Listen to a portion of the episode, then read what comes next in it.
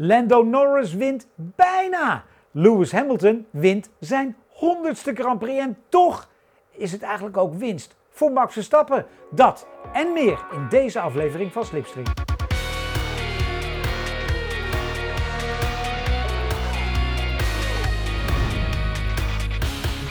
Zullen we beginnen met Lewis Hamilton, die 100 keer gewonnen heeft, of gewoon chronologisch met de kwalificatie? Kees, jij mag het zeggen. Nou, we kunnen Hamilton even feliciteren met zijn honderdste overwinning. Dat is natuurlijk wel een mijlpaal Ja. en een geweldige prestatie. En dan beginnen we, zoals het hoort, bij de kwalificatie. Goed. Want daar speelde Hamilton ook een rol. Ja, en eh, een nogal belangrijke rol eigenlijk. Een reetje rare rol. Een rol die hij zichzelf niet had toegedicht. Nee, ik dacht eigenlijk, dat klopt wat je zegt, want eh, het is anders gelopen. En uiteindelijk is het uitgekomen zoals ik voorspeld had. Maar ik eh, was eigenlijk van mening dat in de kwalificatie Hamilton het weggooide. En eh, ja, eh, maar goed, daar zie je ook bij dat het toch wel een mens is. Maar het was een fout die, eh, die Mercedes duur had komen te, te staan. Het is, niet, het is anders gelopen, maar daar hebben we het later over. Maar het was niet alleen zo dat hij zichzelf benadeelde, maar ook nog een keer Bottas. Ja, Die, die tot dat moment er ook goed uitzag. Hè? En zij domineerde eigenlijk de vrijdag en de zaterdag. Ja, sterker nog, wat er met Hamilton gebeurde voor mij was een, een foutje. Mag niet gebeuren, maar gebeurt. De fout was dat ze eens rustig gingen kijken naar zijn auto, terwijl Bottas stond te wachten eh, voor nieuwe banden. Precies, en dat bedoel ik. Daarmee, dat was de fout. Hè? eh, had, had dit, dat foutje eh, een grote invloed op eigenlijk ook het verloop van de wedstrijd. Hè? Want eh, zonder dat incident had één van die twee, het is allemaal als en dit en dat, maar een goede kans gemaakt, zeg ik het voorzichtig, op de eerste startrij. Hè? En dan heb je natuurlijk met Bottas motorwissel, dat is alles wat anders, maar qua snelheid. ja. En eh, ja, dus ik, ik dacht eigenlijk, en mijn eerste notitie was ook, hier gooit Mercedes al eh, een grote kans weg. Ja, Ehm, wat, ik, wat ik wel mooi vind is, het zijn weer eh, omstandigheden dat je snel moet beslissen. Wel, hè, welke banden doen we wanneer? Doen we wel slicks, geen slicks?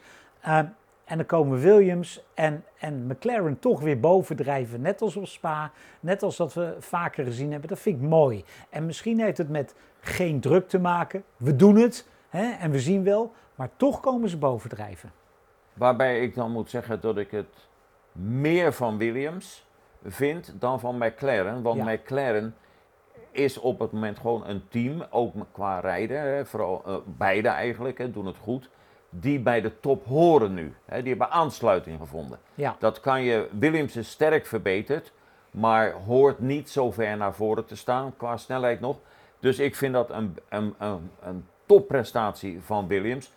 Waarbij je gelijk hebt, ze hebben niks te verliezen. Dus je kan ook een paar risico's qua setup nemen voor de regen. Maar al met al moet ik zeggen, eh, prima gedaan. En eh, McLaren, Norris heeft laten zien dat ze niet alleen op het droom, maar in alle omstandigheden gewoon eh, bij de top horen. Ja, en dan, de kwalificatie. Na de kwalificatie, Max rijdt dan niet. Dan komt er een, een bericht van de, van de sportcommissarissen dat ze geen bericht hebben gedaan dat Max gewoon achteraan mag starten. Want dat was niet nodig, omdat het regende en een natte baan. En dan geldt de 107% regel niet. Dus er is wel een team dat gevraagd heeft, mag Max eigenlijk wel starten zonder dat hij deelgenomen heeft aan een kwalificatie? De Ja, vraag is we- natuurlijk wie. Ja, nou, Eh? ik dan gaan we, gaan we speculeren, maar dat doen we niet. Nee, Want we hebben natuurlijk een, een spectaculaire, briljante race echt van Ja. eh, gezien. En dus eh, dat laten we even voorbij. Nou, en dan die briljant, mooie, spectaculaire race begint eigenlijk met het missen van het feit dat die Saints gewoon de kop neemt. En ik denk, zo, die zou hem wel eens kunnen gaan winnen. Want die was echt sterk die eerste tien ronden. Eh, die was heel goed. Oh, En het was ook natuurlijk interessant te zien. Eh, ja, eigenlijk al de start. Eh, het, het was voorspelbaar met dat lange stuk voordat je bij de eerste bocht kon. Waarbij Hamilton heel goed onderweg was. Eerst wat langzaam weg, daarna op snelheid. Maar gewoon in de tang genomen werd. En eh, nou ja, daar verspeelde hij toch ook bijna de race of zijn- kansen. En ja, Sainz eh, die deed dat hartstikke goed. Maar aan de andere kant heb ik niet gezien eh, waar die update van die motor zat. Nee. Dus hij moest ook eh, eh, ja, z- de tol betalen. En uiteindelijk, als je dan weer het eindresultaat ziet, natuurlijk was er kleine invloed, nou ja, kleine invloed, maar van die regen.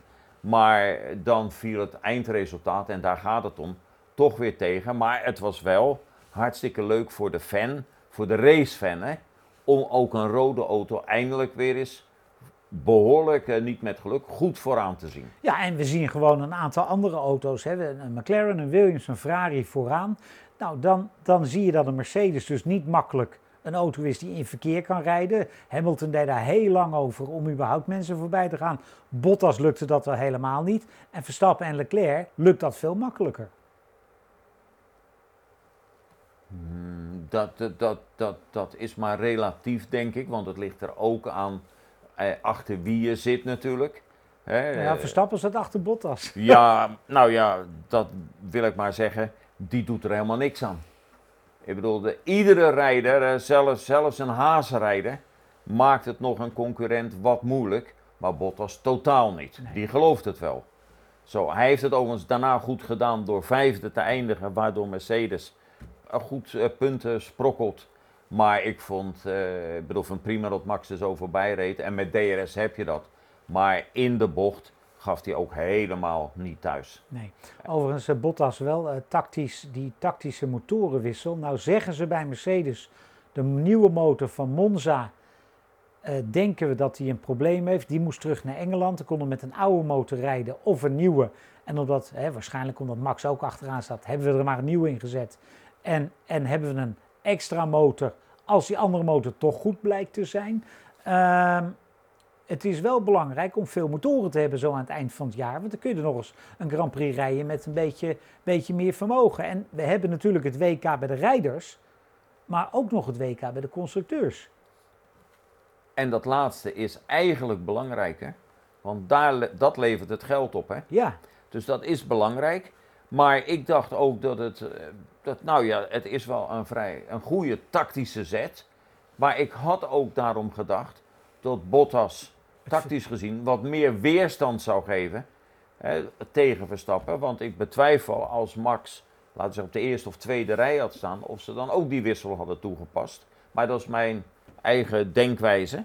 Maar eh, ja, dit wa- ja, misschien voor later. Maar op dit geval was dat zinloos, want hij heeft eh, Verstappen geen, geen, geen stro in, eh, breed in de, in de weg gelegd.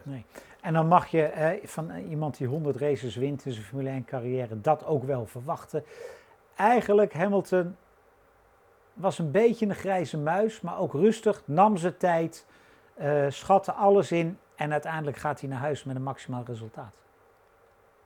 Ik vind niet dat hij hem grijze muis, want hij was natuurlijk wel met Norris geweldig. Ja, maar Kees, hij En- rijdt de eerste, de eerste ronde. Hij, ik, lees, ik lees voor het weekend, ik ga niet meer aan de kant. Ik eh, ga niet meer van mijn gas af. Hij deed zo voorzichtig de eerste paar ronden. Ik dacht van, waar Ja, is dat? Dan genu- is dat zeker alleen tegen Verstappen. je- ja, precies, maar een beetje genuanceerd. Hij gaat niet meer van zijn gas op bed verstappen. Ja, Zo, maar je wordt wereldkampioen door in ieder geval eerst uit te rijden. Ja. En in het begin heeft hij natuurlijk, maar overigens in Monza was hij ook heel dat hij ruimte gaf aan de eerste rondes. Hè. Ja. Later is dat anders geworden. Maar nee, ik vond eh, dat hij fantastisch gereden heeft. En je zegt ook, daarom kom ik daarop terug met, met het verkeer en alles.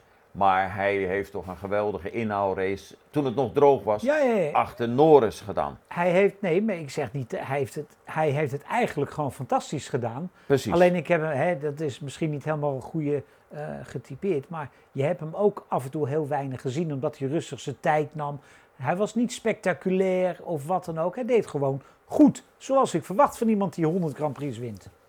Ja, maar ja, nou ja, dat heeft hij ook geweldig gedaan. En eh, ik moet zeggen, hij was met Norris de man van de wedstrijd. Ja. Dat, dat is echt. En, en je kan denken van de man wat je wil. En wij hebben al zo vaak gezegd, beoordelen met zijn helm op. En, en sowieso al dat randgebeuren. Het was, nee, maar het was daarom ook heel leuk dat eh, Verstappen en, en Hamilton elkaar onderspoten met de champagne. Dat ze ook met z'n allen op het podium gingen. Dus ik denk dat het ook allemaal wel een beetje meevalt. Het is allemaal wat Amerikanen graag zien, een beetje show. Maar wij kijken naar de race en daar was Hamilton geweldig, Norris was geweldig. En er waren natuurlijk ook een paar die niet zo geweldig waren. Ja, Verstappen gaan we het zo over hebben. Uh, ik, de, de, niet geweldige gaan we het ook zo over hebben. Maar dan wil ik toch naar het cruciale moment van die wedstrijd. En Formule 1, uh, het gaat, zeggen mensen, om geld, het gaat om techniek, het gaat om heel veel. Maar het gaat vooral om communicatie tussen mensen, Kees. En als ik dan zie en luister dat ze bij uiteindelijk bij Mercedes zeggen: Lewis, je gaat nu naar binnen komen. En Lewis doet dat ook. En bij Lando en Mercedes, bij Norris en Mercedes is dat nog een beetje, uh, ja, nee, maar het gaat prima. Waarom zal ik binnenkomen? Die hadden misschien even iets meer aan de pit moeten zeggen. Lando, je komt binnen.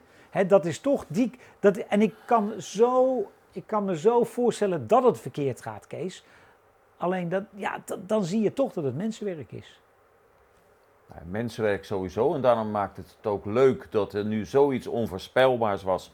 Waardoor de computersystemen vervangen werden door menselijk initiatief. En achteraf is natuurlijk alles makkelijk. Ik vond het ook geweldig dat Norris zijn besluit nam.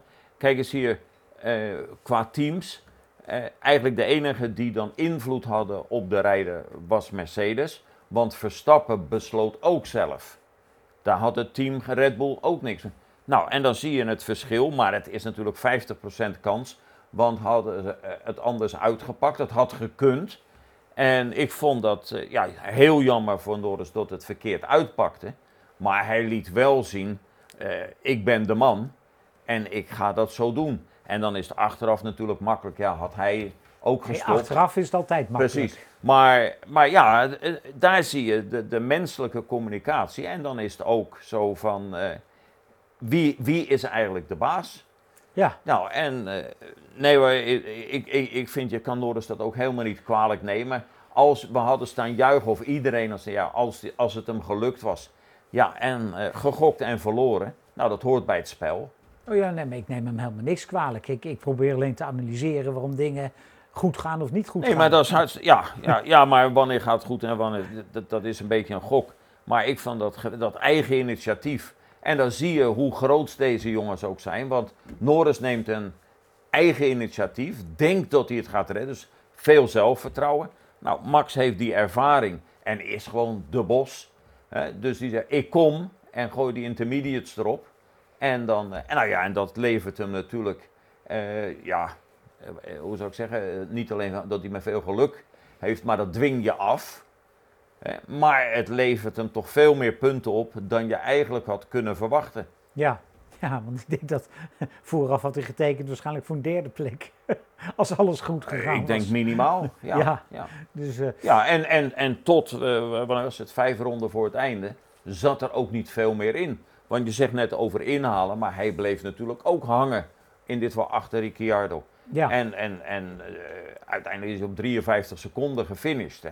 Vergeet dat ook niet. Nee, maar hij, is, hij is ook tweede geworden omdat die anderen het gewoon ook verkeerd deden. Precies, en hij heeft die laatste eigen initiatief goed gedaan. Ja. En daarom zeg ik ook, hij heeft heel veel geluk gehad. Maar dat geluk dwingt een topper ook af. Ja, of je kan ook zeggen, hij is de enige die echt een goede beslissing genomen heeft. Achteraf.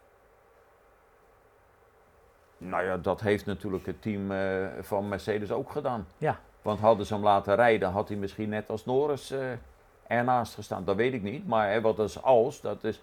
Maar feit is uh, dat Verstappen het geluk toch, heeft toch, afgedwongen. Ja, toch zie je bij die Hamilton dan ook, hè, ik bedoel, ooit in zijn debuutjaar, toen liet Lewis Hamilton dit soort beslissingen helemaal bij je team. Nu zie je dat hij dat, dat, dat een veel betere uh, synergie is tussen het team en, en de rijder. Hè. Toen stond hij in, de, in China aan de grindbak omdat ze hem maar buiten lieten. En uh, volgens mij reed hij op de.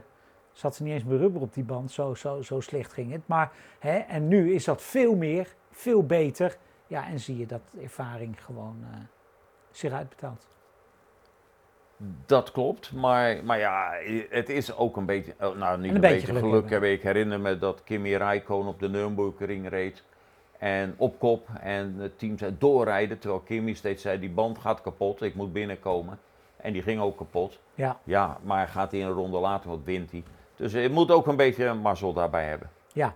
Ehm, goed, Verstappen, ja. Eh, uiteindelijk tweede, meer dan dat je op gehoopt kan hebben. Ehm, motorwissel, gridstraf. Hij heeft alles voor zijn kiezen gekregen. En hij staat nog maar twee punten achter op, eh, op Hamilton. Dus ik zeg uh, topweekend. Absoluut een topweekend, want je komt daar naartoe en je hebt dan eerst al die straf vanwege Monza. Nou, dan wist je de motor. Hè, dat kan tactisch gezien heel verstandig geweest zijn. Maar er zat niet veel in. En ook hij kwam toch niet zo snel, wel naar voren. Maar die laatste stap was moeilijk. Nou, en je gaat weg. Eh, ja, eigenlijk als de, de, de, de, de, de morele winnaar in ieder geval. Dat kan je wel zeggen, ja. Ja, dus het zijn ja. al twee, twee races achter elkaar dat je niet wint. Ja. En toch dat je terugdenkt, ik, zo slecht was het nog niet. Ja, als je veel minder verwacht en je krijgt veel meer, dan kan je zeer tevreden naar huis gaan. Ja, alhoewel ik me toch uh, niet aan de indruk kan onttrekken dat ze bij uh, in Milton Keynes vandaag zitten na te denken hoe ze toch ook die Perez wat meer punten kunnen gaan laten scoren, Kees. Ja, daar kan je uren aan besteden, maar het was natuurlijk niet bijzonder. Hij heeft weliswaar op kop gereden. Ja. Maar ook van de tactiek die daarbij zat, eh, daar begreep ik ook niet zoveel van. En uiteindelijk het eindresultaat, wat vooral belangrijk is. Eh, kijk, hij kon Max in die zin niet helpen, want als hij tweede wordt, hè, dan is dat prima. Eh, of Perez had eerste moeten worden, maar dat zat er helemaal niet in. Maar hij heeft natuurlijk wel weer Red Bull in de steek gelaten. Ten opzichte ook van Bottas en dient te volgen in het constructeurskampioenschap. Ja. Um, iets wat we niet opgeschreven hebben volgens mij, maar wat ik eh, toch even. Daar zie ik hem niet. En gisteren hebben we hem ook niet echt gezien. Maar hij wel een super gave race. En zeker eh, terwijl hij naar de pits reed, had hij al de escape road uh, uh, verkend om te kijken of dat na de start een goede actie zou zijn, is Fernando Alonso, die eigenlijk gewoon een hele goede wedstrijd reed en misschien wel op het podium had kunnen eindigen. Nou, die, dat was de oude Vos. Ja. Die actie was. Eh, want hij deed dat, als ik het goed heb, in de warm-up of verkenningsronde. Ja, ja, had hij het al gedaan? En toen had ik gezien. Hè, je hebt wel meer van die circuits waar, waar soms door de pitstraat sneller is. En, hij, en ik dacht, nou ja, oké, dan weet hij dat. Maar hij maakte dat duidelijk. Eh, het was opzet. Ja. Hoe die dat ja. deed. Ja, dat vind ik grandioos. Ja, mooi dat was, ja, en hij was verder ook snel. Hè? En, en je zag ook overigens in het duel met Verstappen. Als die op het podium was geëindigd, was dat niet gestolen geweest. Nee, absoluut niet. Hè? Dus uh, laten we hopen dat dat, dat die, ja, de oude Alonso. Maar dat vond ik wel mooi, weet je, dat zijn ook de toppers die zo denken. En waar kan ik dat eigenlijk niet ver uh, voordeel halen? Ja, hebben we de rest, moeten we nog ergens over hebben, Kees? Uh, ja, dus het, het, het Alfa Romeo, ja, de Giovinazzi doet het eigenlijk wel goed, had een beetje pech. Overigens, Alfa Romeo, daar wordt toch steeds meer van gezegd dat de Zweedse eigenaar het in de verkoop heeft staan. Er wordt al ge gezegd ook dat in Azië gaat een prospectus in de ronde. Maar de Amerikanen, met als, als frontman Michael Andretti, schijnen daar toch wel op pole position te staan om dat over te nemen.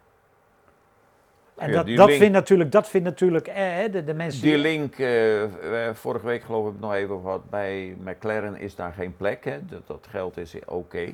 Nou, en er is het natuurlijk wel, als Alfa blijft, de, tenminste als dekman, hoe noem je dat, uh, als naamgever. Ja. Ja, dan zit er natuurlijk ook een link met Mario Andretti, hè? Die, die is legendarisch. Ja. Michael in Amerika, maar niet zo hier. Ja, het zou kunnen. Want ik kan me ook voorstellen dat de huidige eigenaar, die helemaal niet zo van publiciteit houdt, eh, ook niet helemaal tevreden is. Want als je eigenlijk kijkt naar de, eh, wat er de laatste drie jaar gebeurd is in het constructeurskampioen, zijn, is wordt steeds minder. Ja. Exact, wordt steeds minder. En daar word je dan ook niet helemaal vrolijk van als je geld daarin gestoken hebt om wat te verdienen. Ja, en nou is er één team dat gaat nog slechter. Dat is het team van Haas, maar die hebben wel de rijders bevestigd voor volgend jaar. Schumacher en Mazepin. Ja, maar dat was ook hier aan tafel al een maand geleden bekend. Ja. Zo, en en, en uh, dat is dan ook zo dat ze geen manier gevonden hebben om Mazepin te lozen. En dat zat er ook niet in, maar dat was wel de bedoeling. Maar dit is een logisch gevolg van en contracten. En je ziet ook, uh, voor Mick is ook nergens anders een plek. Nee. Overigens, over lozen gesproken. eh, dat gaat misschien toch ook bij Aston Martin wel gebeuren. Want daar, Martin Whitmars is terug. Ja, die wordt eigenlijk de topman. Ja, Martin Wismar, voor, onze echte eh, jeugdige kijkers. En, eh, Martin, Wismar, Martin Whitmars, jarenlang topman bij McLaren. Ehm, ja, daar weggebonjourd. En nu is hij er weer, bij Aston Martin.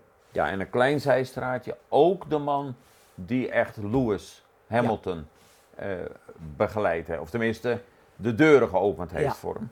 Ja, ja, en die is nu eh, dus de, de, de rechterhand eigenlijk, de topman van eh, de oude Strol. En wat ik geloof ik na de Grand Prix van Zandvoort al zei, daar rommelt het. En natuurlijk is dat zo. We hebben volledig vertrouwen in de trainer. En volgende week staat hij op straat. Zo is dat hier ook een beetje, want de huidige team principal, of hoe dat tegenwoordig mooi heet, die eh, gaat zich meer concentreren op eh, de dagelijkse running van het team. En dan Witmars gaat dat overal doen, maar het is natuurlijk het begin van het einde. Ja, overigens over Stroll gesproken, krijgt penalty. eh, die was misschien nog wel redelijk terecht. Wat, Norris kreeg ook een penalty. En dat vond ik dan ook wel weer op zich niet dat, dat hij een penalty krijgt, dat hij raar is, maar dan weer twee punten op zijn licentie. Geen tijdstraf, terwijl eh, twee jaar geleden had, eh, een paar jaar geleden had Hamilton zo'n akkefietje ook in, in Hockenheim. Eh, ook de, pitstraat uit en in. En, en van de verkeerde kant reed hij een, een, een pilon voorbij. En die kreeg toen tijdstraf. En ja, weer willekeur. Ik, op zich prima als je een fout maakt en dan, dan kun je een straf krijgen als dat in de reglementen staat. Prima. Maar doe dan wel gewoon rechtlijnig. Dat is wat eh, een kijker vorige week geloof ik aan ons vroeg. En daar, daar, daar heb je een punt. Kijk, hij is terecht gestraft. Want in de regel staat nou eenmaal Ja. dat hoe je de pitstraat moet binnenkomen. En dat deed hij niet reglementair. Dat is duidelijk. Maar dat er dan weer een andere straf komt dan een vorige keer. Ja, dat is een beetje willekeur. Waarbij we wel moeten opmerken dat ik niet weet na het Hamilton-incident. Of Of, de reglementen veranderen dat je in één keer twee strafpunten Ja, nou, krijgt. ik, Maar ik vind ook dat daar, en eh, je hebt reglementen, maar de stewards, die kunnen dat ook een beetje eh, bekijken. Want zij zeiden notabene, hij kon er ook niks aan doen dat het in één keer zo spiegelglad Nee. was. Nou ja, dan kun je dan ook een klein beetje in ogenschouw nemen. hè. ja, aan de andere kant, dat wist hij, want hij stond al een keer naast Ja. aan. Kees, ehm, ik heb een foto. En ik vind het gewoon op zich al een hele mooie foto. Zo, Ferrari Sharknose 1961. 61. Ja. Nou. Ik ben niet zo sterk in, eh, maar ik denk dat Van Trips. Zeker Von Trips. Ja. Graaf Berger ja, ja, Von Trips. Omdat eh, van dat model reden er wel vier of vijf hè, in, in, in, tijdens de races. ja. Met Phil Hill, die uiteindelijk wereldkampioen werd. Overigens Phil Hill, de eerste eh, Amerikaan die wereldkampioen werd. En Von Trips had eigenlijk de eerste Duitser moeten zijn die wereldkampioen eh, zou Ja, worden. ja, maar. Phil Hill werd het. En het, voor mij het ironische is dat we hebben twee keer een Amerikaanse wereldkampioen gehad. En die werd allebei de keren wereldkampioen omdat zijn teamgenoot op Monza verongelukte. Want bij Ja, Mario waarbij- Andretti was dat Ronnie Patterson. Die, Ja, waarbij Patterson sowieso de tweede viool moest spelen. nee, oké, maar, dat, maar, maar, het, maar het is zijn wel gebeurtenissen. maar goed. En, en eh, eh, Von Trips was natuurlijk op weg naar de wereldtitel in, eh, in Monza. Ja, En daar is natuurlijk ook het sombere feit dat een toen aanstormend talent, Jim Jim Clark, hè, die toen eigenlijk de, de nieuwkomer was, hem raakte. En ja, een bizar ongeluk waar, als ik het goed heb, ook nog toeschouwers zijn eh, verongelukt. Ja, En dan zoek ik altijd een link, hè? want eh Von Trips wordt dan ook geëerd. Een, een evenement op Slosdiek in Duitsland, waar jij altijd graag komt met historische auto's. En dat is ter, ter, ter nagedachtenis eigenlijk van deze man. dat is eigenlijk ook eh, Graaf Berger von Trips Memorial. Ja, En die had je overigens ook in karting, want hij... eh, hij kwam uit Kerpen volgens mij, ja, hè? precies. Ja, het originele Horen eigenlijk, de Ja. baan voor, voor wat er nu ligt. Maar dus die regio is toch Ja. goed voor autocoureurs dan? Die, dat is een hele goede eh, regio. Hè. We hebben Heinz Harald Frenzen, Heidveld, Vettel, nou de Schumacher broers natuurlijk, Alan Loor. Jurk Muller volgens en- mij, in die en- buurt. en eh. zo kan ik er nog wel een paar, Ja. een paar opnoemen. En daar is hij natuurlijk de, eigenlijk de pionier van geweest. En, en het is ook maar goed dat hij geëerd wordt uh, steeds. Ja. ja. Overigens, overigens is het, uh, wat ik zo apart vind, Kees, als je het over Duitsers en Formule 1 hebt, eigenlijk Schumacher was de eerste echt succesvolle Duitser die wereldkampioen werd. Hè? Maar alle, je moest eigenlijk helemaal geen talent zijn in Duitsland, hè? heel lang. Want dan liep het slecht met je af. Als je kijkt naar deze man, naar Stefan Bellof, naar Marcus Winkelhock. Naar, hè, er zijn heel veel grote Duitse aan het stormen, eh, talenten geweest, die, die overleden allemaal. Ja, dat is geen prettige gedachte. Nee, maar dat, was, maar, dat is... Maar goed, Duitsland had natuurlijk ook eigenlijk meer een reputatie tot eigenlijk Schumacher kwam in de tourwagens, hè, in, in, in, in de, de, dikke, brede auto's. En dat heeft Schumacher dan, Michael, dan eigenlijk Omgedraaid. Om, omgezet. Maar goed, zo is het een beetje gegaan in tennis ook met, in, met de Duitsers. En, uh, maar ik vind het wel leuk en je haalt dat aan, want er zijn uh, op het moment twee. Want je weet dat Enzo Ferrari al deze auto's vernietigd heeft. Ja. Dus daar bestaat er geen bestaat er geen Maar er zijn nu twee replica's ja. in omlopen. En dan is het wel op Slosdiek leuk te zien dat daar Arturo Mezzario, ook een heel bijzonder figuur. Ja.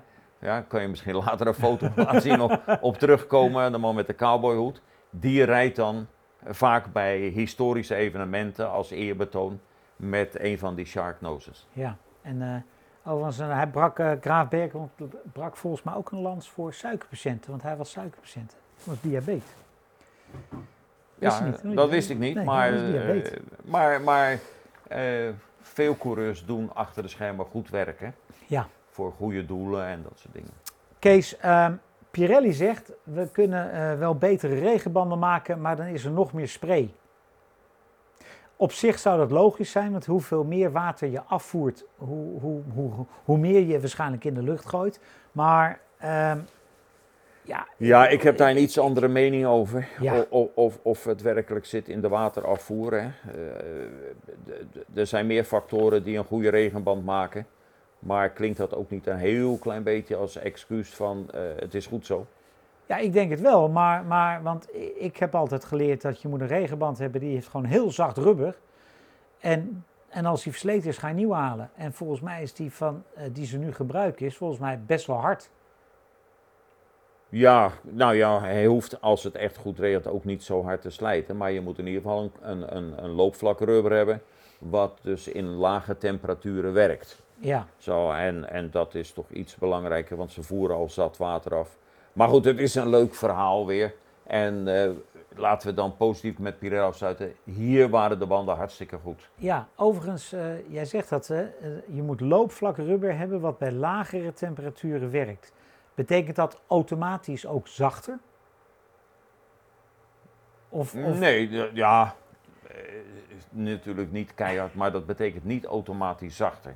Nee. Dat is de samenstelling van het rubber. Ja, dat is, uh, daarom is ook vaak een misverstand dat over shore, uh, daar wordt de hardheid in gemeten. Ja. En dan is het te hard, maar dat hoeft niet zo te zijn. Het gaat vooral om die uh, temperatuurbereik waar die band werkt. Ja. En natuurlijk ook de manier waarop je de grip, hè, ik zal het simpel zeggen, of je door plak doet of door beweging. Ja, en dan hebben we nog altijd, wat mij altijd verwondert, uh, het profiel maakt niet uit, hè Kees? Nou ja, de vierkantjes, het, vierkantjes mogen ook. En dat is... Het is heel duidelijk dat het profiel wat uitmaakt, omdat je zag gisteren in Norris die geen profiel had, dat hij het water niet weer kwijt Nee, maar, maar, maar, het profiel is niet de doorslaggevende factor. Nee, je kan ook gewoon vierkantjes hebben, het werkt ook redelijk goed. Ja, in ligt aan de omstandigheden, maar het feit is dat, dat je moet water afvoeren, maar dat heel veel profielen ook voor de mode zijn. Ja. Um, wij zijn oud genoeg dat we nog kunnen, ons kunnen herinneren dat ze op Long Beach racen met Formule 5000. Daar met Formule 1 auto's eind jaren 70. En gisteren was daar op dat circuit, klein beetje veranderd, maar, maar de essentie is er nog. Laatste wedstrijd IndyCar, heb je er iets van gezien of niet? Ik heb er niets van gezien. Het was mooi, Kees. Het was gewoon weer ouderwets racen. En dan uh, hebben we een nieuwe kampioen, Alex Palau. Een, een jongen die eigenlijk naar Japan gegaan is. Uh, een beetje de uh, Rinus houdt achter. Van nou, we gaan naar Japan en dan zien we wel. En via Japan is hij in Amerika terechtgekomen. Bij Ganassi terechtgekomen. En is de nieuwe ster. Dat is toch een mooi verhaal. Daar zijn, eh, eh, sowieso, maar dat, dat, heb ik ook van Rinus gezegd. Ja, Eh, eh, eh, daar zitten veel meer verhalen achter. Hier bij Formule 1, waarvan ik dan toch wel denk dat dat eh, de meeste in ieder geval de beste zijn. Ja. Eh, is het toch een klein beetje ook voorspelbaar wie naar wat gaat en hoe je daar binnenkomt. In Amerika heb je, het is het land van de vele kansen. ja. En die krijgen die rijders ook. En eh, ja, als je het daar waarmaakt, zit je heel erg goed. En bijna iedereen die daar rijdt, heeft een verhaal, een, ook een visie gehad. Ja, en wie zeker een verhaal heeft, is Romain Grosjean. Want die is eh, ontsnapt aan de dood en ging naar Amerika, wilde niet op ovals, gaat wel op ovals. En maakt volgend jaar de overstap naar Chip Ganassi Racing. Team dat kampioen geworden is dit jaar. En een van de dingen die hij zegt is, jongens, kom hier naartoe. Want het is zo fijn om na een pitstop de baan op te rijden en gewoon vol gas. Bandenmanagement doen we niet aan. Gas op. Af en toe een beetje brandstof sparen, maar dat is dan strategie met pitstops, maar gewoon racen. Ja, en met deze move is die van, nou ja, laten we zeggen, niet zo populaire Formule 1 rijden. Volgend jaar in één keer een kans hebben om kampioen te worden. Ja, mooi. en dat hè? is ook niet niks, hè? Nee. Nou, ehm, jij kent Mark Webber goed. Dat heb jij ervaren, ja. Ja. dat- Eh, we kennen trouwens allebei Mark Webber goed. Mark Webber zegt, eh, die, die heeft te maken met eh, Oscar Piastri. De, de Australische jongen die het in de Formule 2 waanzinnig doet. Die volgend jaar, zoals het nu naar uitziet, geen Formule 1 gaat rijden. Wat natuurlijk best een beetje raar is. Eh, talent, gewoon overal waar hij instapt, wint hij. En nu is het eigenlijk een beetje een doodlopende weg. En Mark Webber zegt, het probleem in de Formule 1 is dat de teams eigenlijk niet meer een gokje willen wagen met een jong talent. Want ze gaan liever voor iemand die heel veel Grand Prix gereden heeft, die misschien niet gaat winnen of wereldkampioen wordt, maar dan weten ze wel wat, ze- wat ze hebben. Een sneer, misschien naar Alfa Romeo dat ze Bottas daar genomen hebben in plaats van Piastri. Maar die zegt, die jonge talenten moeten veel meer kansen krijgen om met die Formule 1 auto's te rijden. Preken voor eigen parochie, maar hij heeft wel een punt. Gedeeltelijk heeft hij een punt, want het is niets nieuws. Ja. Ook dat, overigens, ook dat zegt hij, want hij zegt, de enige reden dat ik een Formule 1 carrière heb gehad, is dat Paul Stoddard zo gek, gek genoeg was om mij in een Formule 1 auto te zetten. Precies. En dat is zelden hoe Kimi Räikkönen eh, en eh, dankzij de Robinsons, die, eh, en een Button overigens ook, die Peter Sauber overtuigde. Maar in het algemeen is het een zeer conservatieve wereld.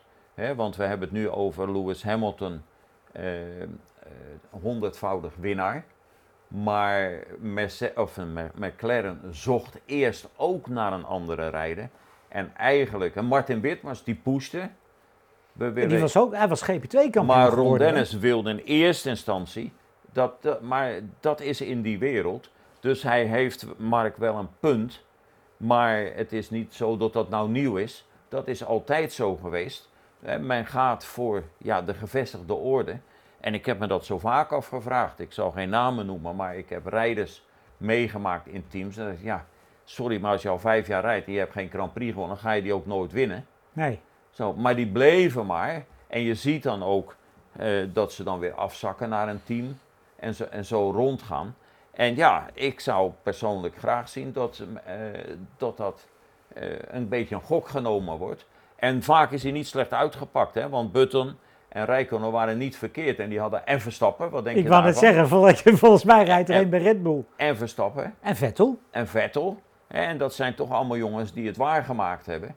Dus ja, eh, en, en je noemde Paul Stott, een hele bijzondere kerel. maar die had toch wel een paar Webber, Alonso, een paar eh, talenten in zijn auto's gehaald. die, eh, die het later gemaakt hebben. Ja, is jammer, maar dat is een feit. En dat is, dat is natuurlijk in Amerika. Ja, daar kom je en je, je moet je er wel in praten. Maar als je erin en je maakt het waar, dan zit je gebeiteld. Maar hier is dat heel moeilijk. En persoonlijk vind ik ook dat de regelgever daar iets aan moet doen. Je zou ook daar een soort eh, promotie-degradatie, of dat eh, de teams kunnen alleen maar kiezen uit de top 3 van Formule 2. Nou ja, je, je, je zou in- Amerika hebben ze natuurlijk dat, dat draft sy- systeem met, met allerlei sporten. Dat je talenten hè, en het team wat het, wat, het, wat het slechtste is, dat mag het eerst kiezen. En dan kun je weer dingen ruilen. Zou je aan kunnen denken. Wat ze, waar ze nu aan denken is volgend jaar, of de komende jaren, bij de vrije training, dat je een vrije training een rookie moet laten rijden. Hè, dus dat, dat in ieder geval die mensen Ja. tijd hè, eh, in die auto's kunnen rijden om te wennen. Maar ik kom nog even daarop terug, hè, want we noemen nou eh, de huidige eh, topper in de Formule 2. Maar bijvoorbeeld Nick de Vries, verleden jaar kamp- kampioen geworden in die klasse. Ja, en die zit eigenlijk ook op een spoor dat je niet weet. Hè. Misschien dat hij volgend jaar nog Formule E rijdt, dat weet ik niet. Maar Ja. dat is dan ook het laatste jaar van Mercedes. En eh, als je de geschiedenis eigenlijk doorneemt van Formule 2, of tussendoor heeft het nog Formule 3000 en GP2, daar zijn er niet zo gek veel. Behalve namen zoals Rosberg, eh, eh, Hamilton en nog een paar, die toch al die lobby hadden. Ja, die waren er toch wel gekomen, wou je zeggen. Ja, ja. Dus, eh, Ja. ehm, ben ik iets vergeten, Kees? ik dacht het niet. Ik dacht het niet. Ik weet niet hoe we in de tijd zitten, maar nou ja, we hebben, een nee, ver- ik ben... ja, we hebben een vermakelijke Grand Prix gezien. Met een, met een, ja, een, een einde dat, dat had je toch niet kunnen bedenken. Wat ik wel nog even eh, eh, dan toch aantippen wil, is, ik weet niet of dat volgende week, vorige week ook ik dacht het niet, maar in ieder geval, Jean Tot is het ook met ons eens. Hè? Vond ik buitengewoon interessant. Die heeft een. eh, dus dat gaat over het rijden in de regen en Ja. dan zware regen. Hè, en, en dat werd ook verwacht voor, voor de, de Grand Prix van Rusland. Dat. oh, daar kunnen we nog wel iets over zeggen ook. Ja, Over Rusland. Nee, maar, maar dat hij vindt dat de auto's nu. is wel wat laat. ja, Maar goed, beter laat dan nooit. Hij heeft nu gezegd: we moeten auto's ontwerpen die ook in de regen kun, kunnen sorry, rijden. kunnen rijden. Eh, wel wat laat, want die reglementen liggen al vast. Dus ik geloof nou niet dat er plotseling auto's komen met hogere rijhoogte. Maar misschien kunnen ze wel iets eh, waar ik het over gehad heb, hè, met dat je wel veren mag verstellen en de rijhoogte en dat soort dingen. Maar het was wel interessant dat hij het eh, daarover had. Rara, hoe kan dat? Ja. En je wou nog wat zeggen over Rusland, zei je?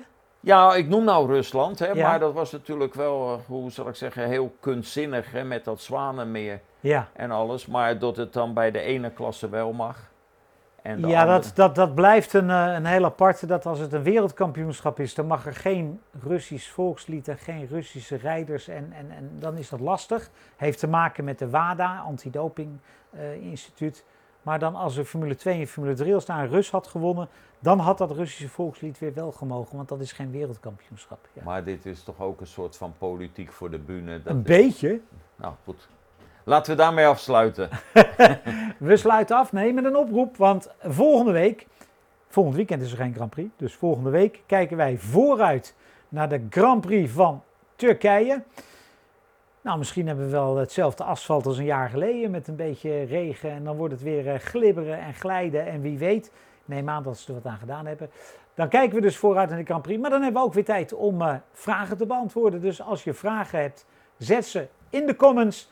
En dan gaan Kees en ik volgende week erop terugkomen. Voor nu bedankt voor het kijken en eh, tot de volgende keer.